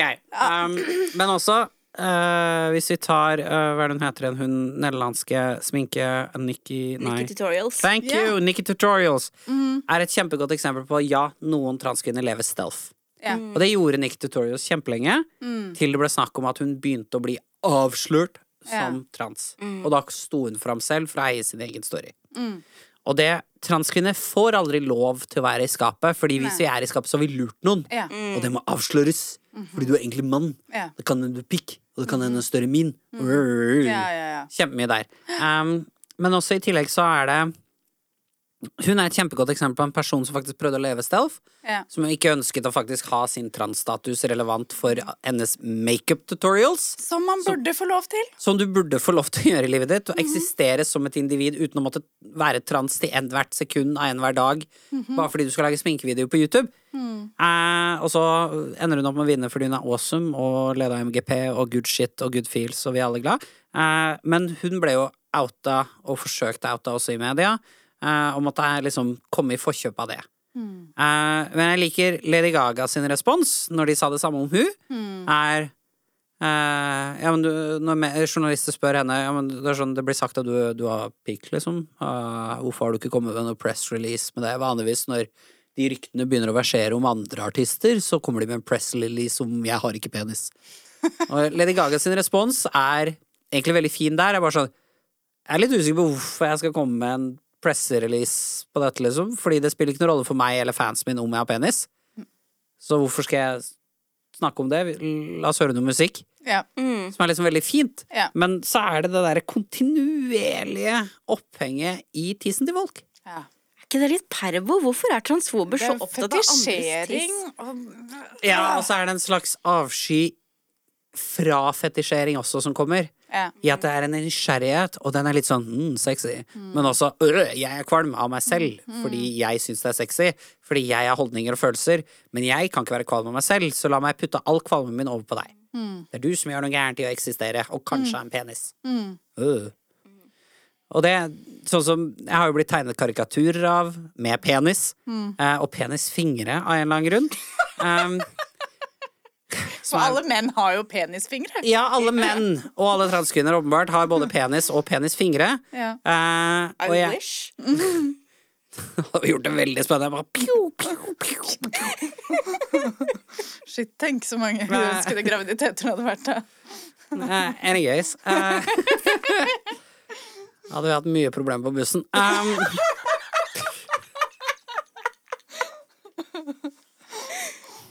da hadde du ikke sagt shit happens, jeg hadde sagt come happens. Sperm happens. Um, nei da. eh, Hvor faen hadde det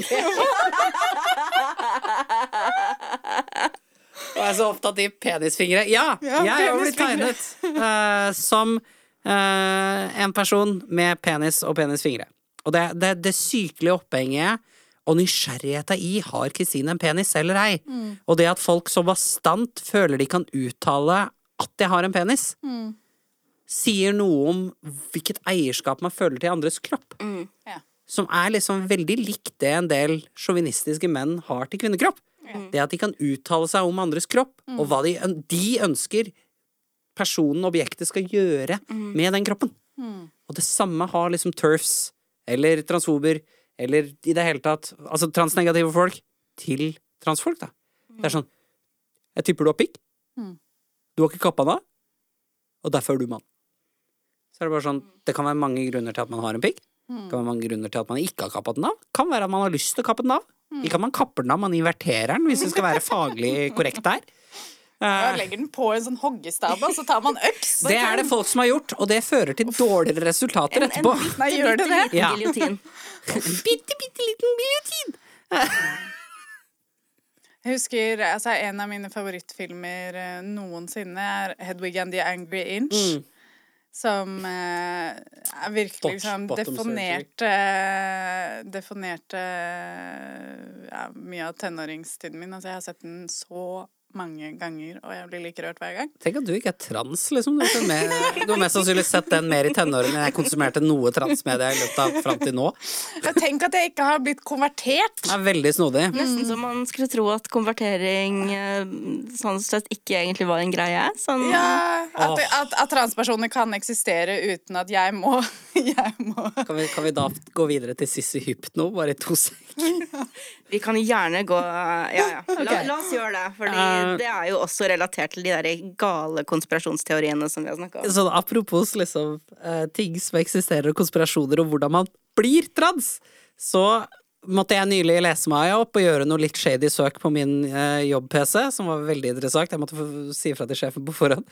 Eh, og det viser seg at folk som ikke liker trans, ofte tror på en konspirasjonsteori om at det fins en type pornografi som er hypnosepornografi, som er ment å feminisere deg og gjøre at du tror du er trans. Excuse me? Hvordan funker dette? Dette det, Hvordan funker det? Vel, det funker jo ikke, men det Hvordan kan man er litt av problemet her. hvordan, altså, hvordan, det hele, hvordan er mener man at dette skal funke, liksom? Greia er at dette er da uh, pornografisk materiale som blinker eller gjør ting mot deg som sier 'du er kvinne, du liker pikk'. Altså, det er subliminal messages, liksom? Ja, ikke nødvendigvis Sånn- subliminal. Visstnok så hevder det at det bare står over hele skjermen mens du ser folk bli pult.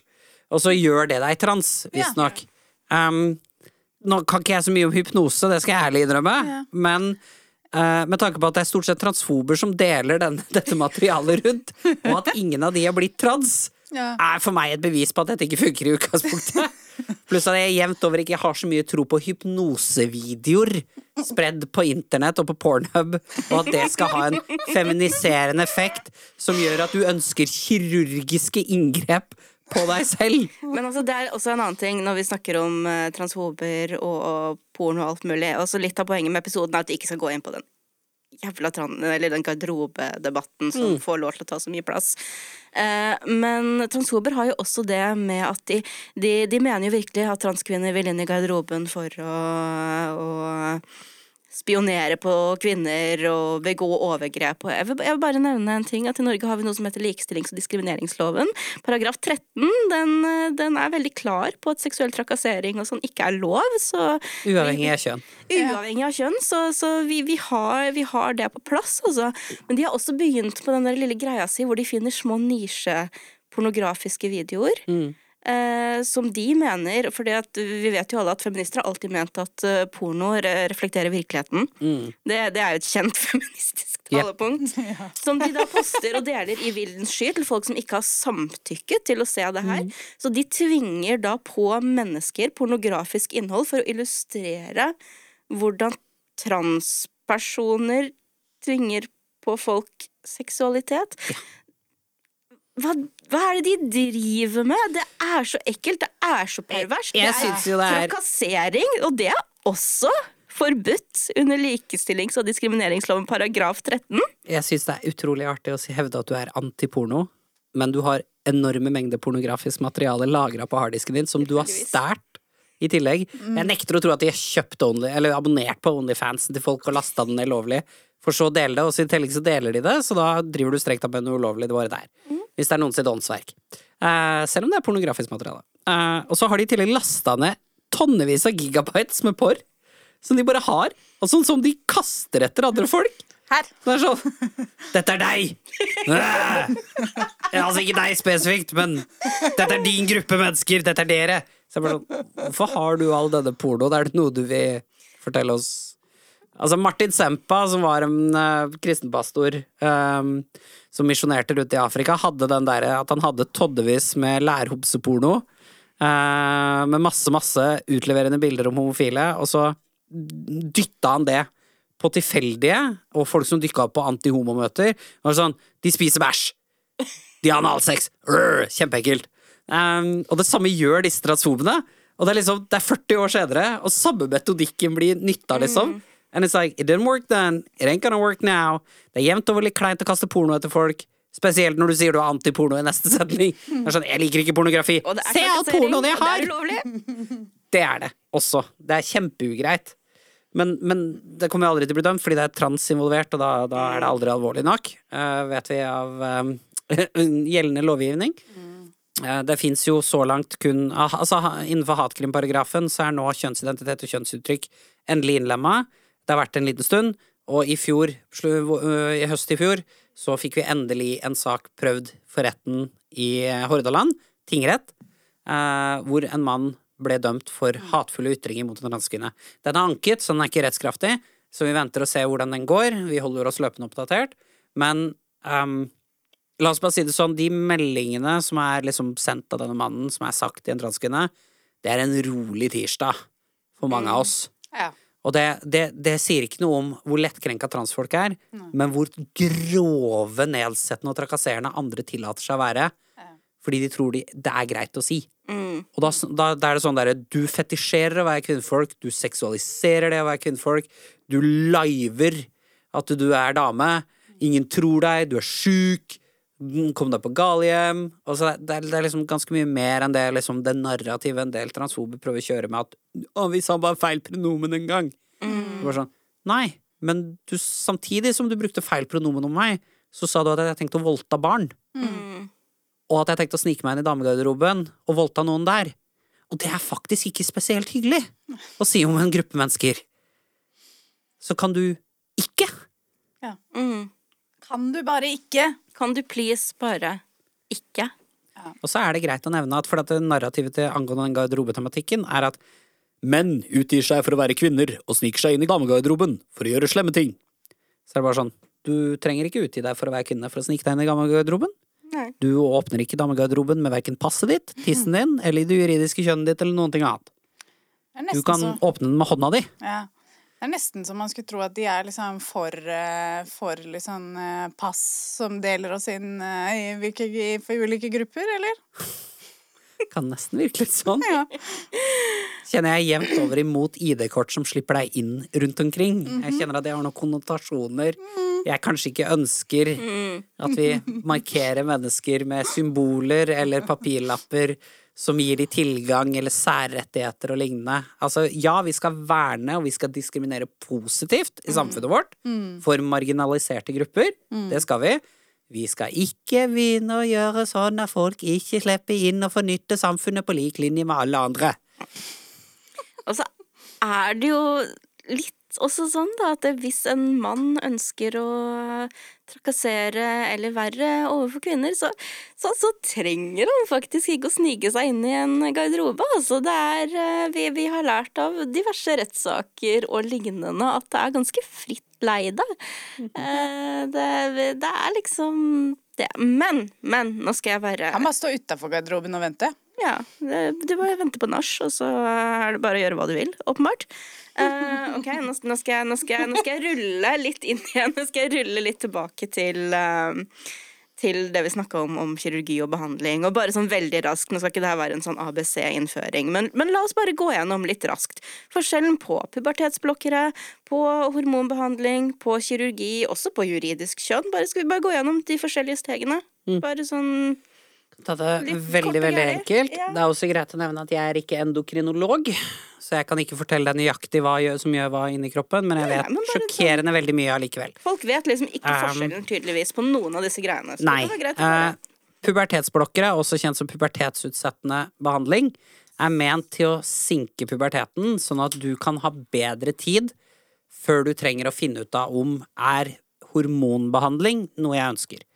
Så det er ment å for eksempel la oss si at du er et menneske som skal i ferd med å produsere testosteron i tanner 2-stadium av puberteten, eh, så stopper pubertetsblokkere det. Og det er fullstendig reversibelt, det vet jeg. Fram, altså det fins anbefalinger for um, hvor lenge du burde gå på det. For etter en stund så kan det ha bivirkninger som er negative. Det har vi sett fra Sverige nå, at behandlerne ikke har fulgt med og faktisk ikke har gjort jobben sin, og at personen har gått for lenge på pubertetsutsettende, sånn at de har fått benskjørhet. Det er ikke bra. Men det er reversibelt så lenge du er innafor anbefalingene. Men det gjelder det meste av medikamenter også, at Ja. du bør faktisk forholde deg til det som er reglene og anbefalingene for det medikamentet du går på. Men så er det også greit å nevne at ingenting av hormonbehandling eller pubertetsutsettende er designa for transfolk.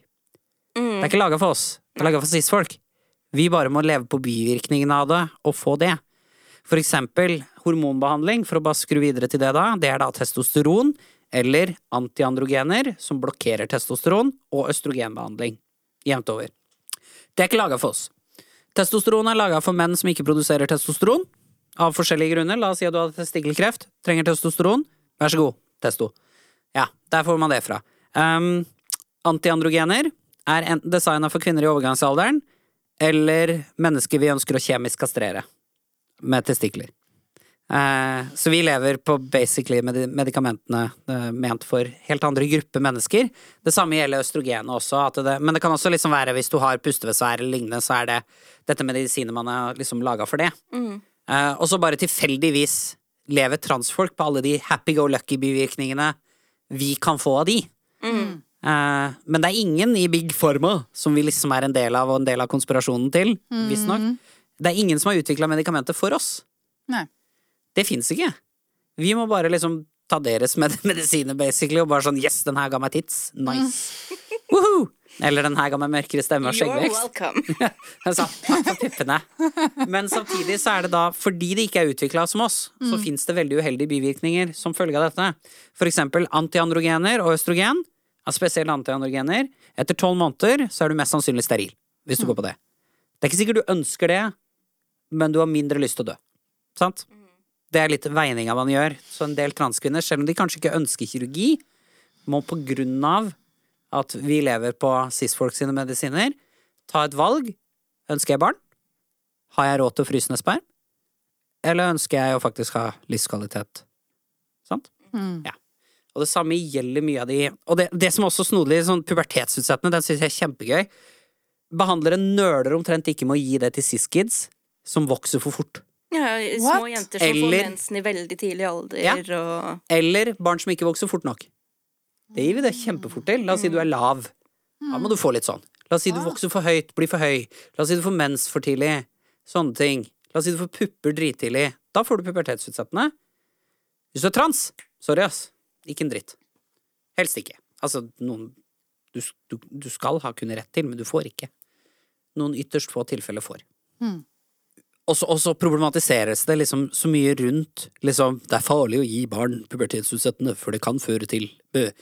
Nei, det er reversibelt så lenge du forholder deg til retningslinjene for det. Og faktisk har en lege som følger med litt, og ja. gjør jobben sin på forhånd. Hvis du har en behandler som gir faen, så er alt farlig. Mm -hmm. Absolutt all behandling er farlig. Hvis du bare har en lege som bare Nei, fuck it, bare vær så god.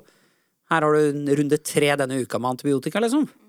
Ja, det er kanskje ikke så bra for kroppen. Kan være litt resistent etterpå. Kan ha litt bivirkninger. Kan ha driti ut magesekken din, da. Uff da. Uff da. Mm. Men så fort det er ordet trans slenges på der, så er det litt skummelt. Litt ekstra skummelt. Da må vi stoppe det. Mm. Ja.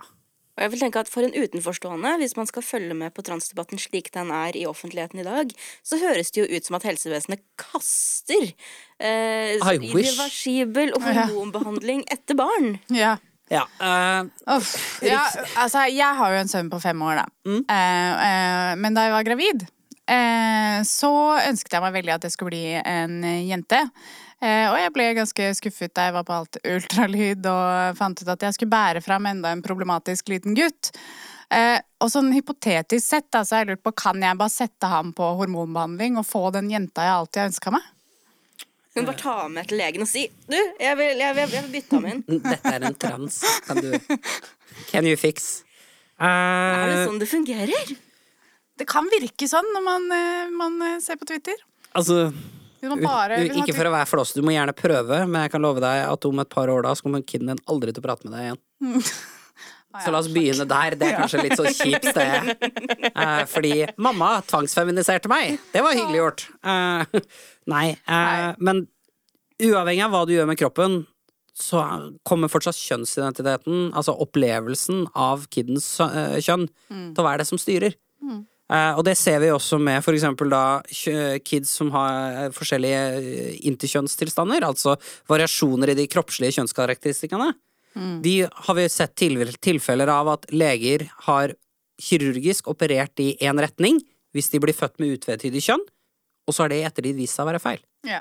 Fordi du kan ikke se inn i huet på folk, og de må faktisk få lov til å fortelle deg hvilket kjønn de er sjøl. Mm. Så og det kan jo fort hende at kiden din kommer ut som dame en vakker dag, og så er du dritfornøyd. Eh, Endelig. Og det eh, Nå blir du kansellert av noen, det kan jeg garantere. Men de som kansellerer meg for dette, det, de, det kan jeg leve med. Rett og slett. Så, men, men det ville ikke forandra kjønnet til kiden din, den hormonsammensetninga du tilførte eller kiden din har naturlig. For kiden din sin opplevelse av sitt kjønn vil fortsatt være den samme. Og det vil vel ikke være noen leger som vil hoppe på det, hvis du bare kommer med barnet ditt og sier, sier eh, Å, jeg tror det er noen som ringer et visst Jeg har et bilde av i kjole. Ja. Jeg har ett bilde av han i kjole som han Og så er spørsmålet så. Tok dette barnet på seg kjole sjøl, ja. eller var det du? Ja, nei, han, han, det var en gang vi hadde glemt at det var karneval i barnehagen, og så hadde de, hadde de en sånn kjole med tutu liggende. liggende. Han var tre år. Og han var dritfornøyd. Ja, selvfølgelig. Kjole er så kjempedigg å gå i. jeg tenker at I hvert fall når det er eh, varmt. ja, ta, Jeg tar med det, da. Ja. Og så får vi se, liksom. Jeg ikke tror ikke Altså, hvis jeg skulle vært den behandleren da, så hadde ikke jeg sagt at bare fordi kiden din går i kjole, så er dette en jente. Fordi klær har ikke kjønn. Å, Eh, å, ja. har de ikke det? Nei! Merkelig, eh, Det er veldig snodig der. De har forskjellig passform. Det har de. Eh, De har forskjellige farger og forskjellig snitt. Eh, De har ikke kjønn. Eh, De har ikke små store gameter. Så, så, du kan avkrefte at eh, leger bare simpelthen elsker å tvinge trans på barn?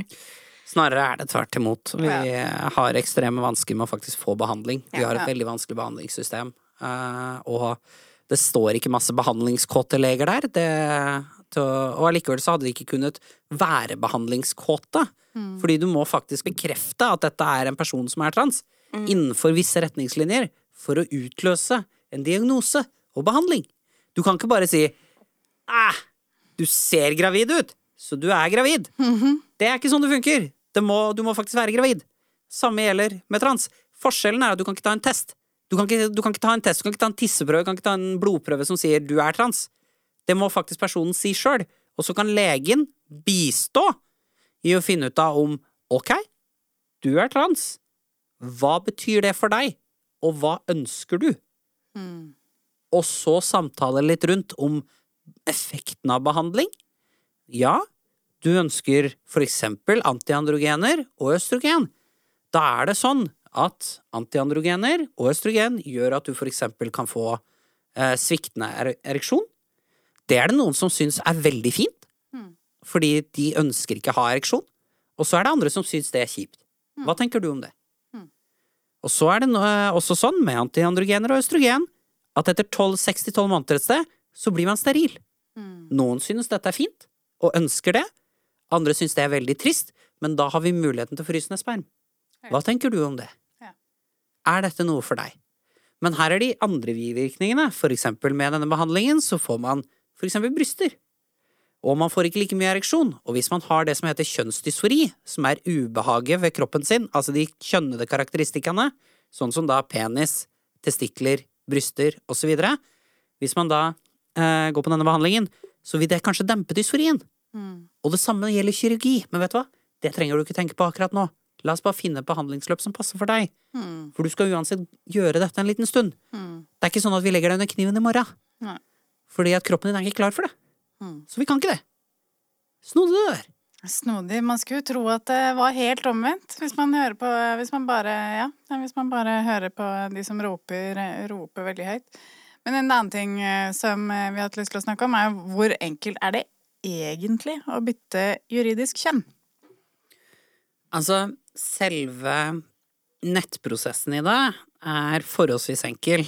Eh, Men det har en del ramifikasjoner. Blant annet så er du papirløs en liten stund brått. Helt ut av det blå. Det er litt spennende. Eh, Det man må gjøre hvis man ønsker hvis man ønsker å endre juridisk kjønn, så trengs det heldigvis ikke lenger krav om diagnose eller kirurgi eller kastraksjon eller noe sånt. Eh, Fordi staten har ikke noe med hvilket kjønn du er. Det bestemmer du. Av de binære, da. Vi har kun to kjønn, juridiske kjønn i Norge per nå, så du får bare endra til enten mann eller kvinne. Hvis du opplever det som noe annet, så er ikke staten der helt ennå. Um, og det du må gjøre, er at du må gå inn på Altinn, og så uh, bestiller du et fysisk skjema som er Skatteetatens kontaktskjema RF 1306. Og så uh, fyller du inn uh, som tema, må du fylle inn annet. Som overskrift så må du ha endring av juridisk kjønn. Og så må du skrive liksom litt i fritekst om 'jeg opplever meg som et annet kjønn enn det dere har registrert på meg, tullinger'. Um, og så sender du det inn. Og så sender de deg det faktiske skjemaet i posten etter en eh, par dager, ukes tid, uh, som du fyller inn. eh, og huker av for 'jeg opplever å ha et annet kjønn enn det jeg ble registrert med i folkeregisteret'. Og så må du sende med bilde av passet ditt og sånne ting i tillegg. Og så kan du også skanne det samtidig og sende det inn på Altinn for å få det til å gå litt fortere. Og så sender staten deg et 'er du helt sikker på dette?' skjema, eh, som du kan krysse av ja eller nei på, eh, og så sende inn. Eh, Det fine med det, det skjemaet, både fine og kjipt med det, er at du kan vente så lenge du vil med å sende, sende inn. Så hvis du ikke er helt sikker, eller du vil spille lotto for å sjekke om du er helt sikker, så kan du gjøre det. Eh, Du har ikke noe tidsfrist på akkurat den. Um, og så krysser du av ja, og så eh, sender du inn den, og så helt ut av det blå så slutter bankkortet ditt å funke. Yes! Og du får ikke logga inn på min ID eller bank-ID. eh, og du har ikke tilgang til pengene dine. Eh, gratulerer, du har endret juridisk kjønn. Ja. Og så, etter en uke eller to, så kommer kjønnet ditt i posten. Som er et helt naturlig sted å få kjønnet sitt levert. Um, som er litt sånn gøy. Det er sånn Cis-folk de fikk kjønnet sitt ved fødsel, mens vi kule, vi fikk det i posten. Det er sånn My gender came with wish. Uh, bare tok jævlig lang tid å få det tilsendt. Um, så det vi anbefaler folk å gjøre, er å ta ut penger, og, eller samarbeide med uh, partner uh, om å faktisk Kan jeg låne penger av deg? Eller overføre pengene sine på forhånd. Um, og så, det som er veldig, veldig fint, er at La oss si at du angrer. Fordi det er veld, folk veldig veldig opptatt av. Det skjer ikke så ofte som man liker å tro. Men eh, la oss si at du angrer. Så bare gjør du det samme en gang til. Mm. Andre veien.